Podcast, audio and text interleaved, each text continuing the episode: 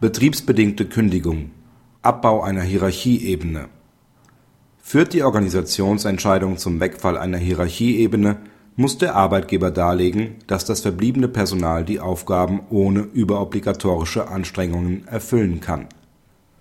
Der Arbeitnehmer ist als Hauswirtschaftsleiter zuständig für die Belieferung von sechs Seniorenstiften durch drei Produktionsstätten des Arbeitgebers. In jeder Produktionsstätte gibt es einen Küchenleiter der Arbeitgeber kündigt das Arbeitsverhältnis betriebsbedingt mit der Begründung, dass die Stelle des Hauswirtschaftsleiters ersatzlos gestrichen wird. Die Aufgaben übernehmen die Küchenleiter der einzelnen Produktionsküchen, die dies ohne überobligatorische Anstrengungen könnten. Der Arbeitnehmer macht die Unwirksamkeit der Kündigung vor dem Arbeitsgericht geltend. Seine Klage bleibt nur in der ersten Instanz erfolglos. Das Landesarbeitsgericht sowie das BAG halten die Kündigung für unwirksam besteht die unternehmerische Entscheidung letztlich im Abbau einer Hierarchieebene, verbunden mit der Umverteilung der bisherigen Aufgaben des betroffenen Arbeitnehmers, muss der Arbeitgeber darlegen, dass der Beschäftigungsbedarf tatsächlich entfallen ist und die Entscheidung weder offensichtlich unsachlich noch willkürlich ist.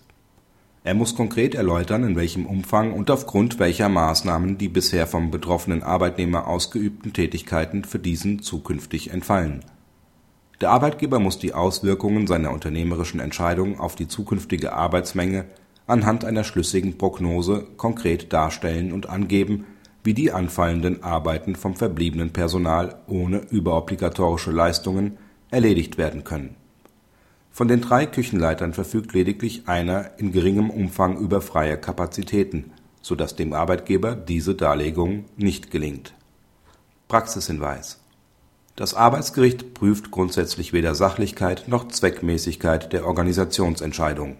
Allenfalls bei Evidenz gilt etwas anderes. Fällt die Organisationsentscheidung indes aber mit Kündigungsentschluss zusammen, gilt das nicht uneingeschränkt. Dann muss der Arbeitgeber konkrete Angaben zu den Auswirkungen seiner Entscheidung machen.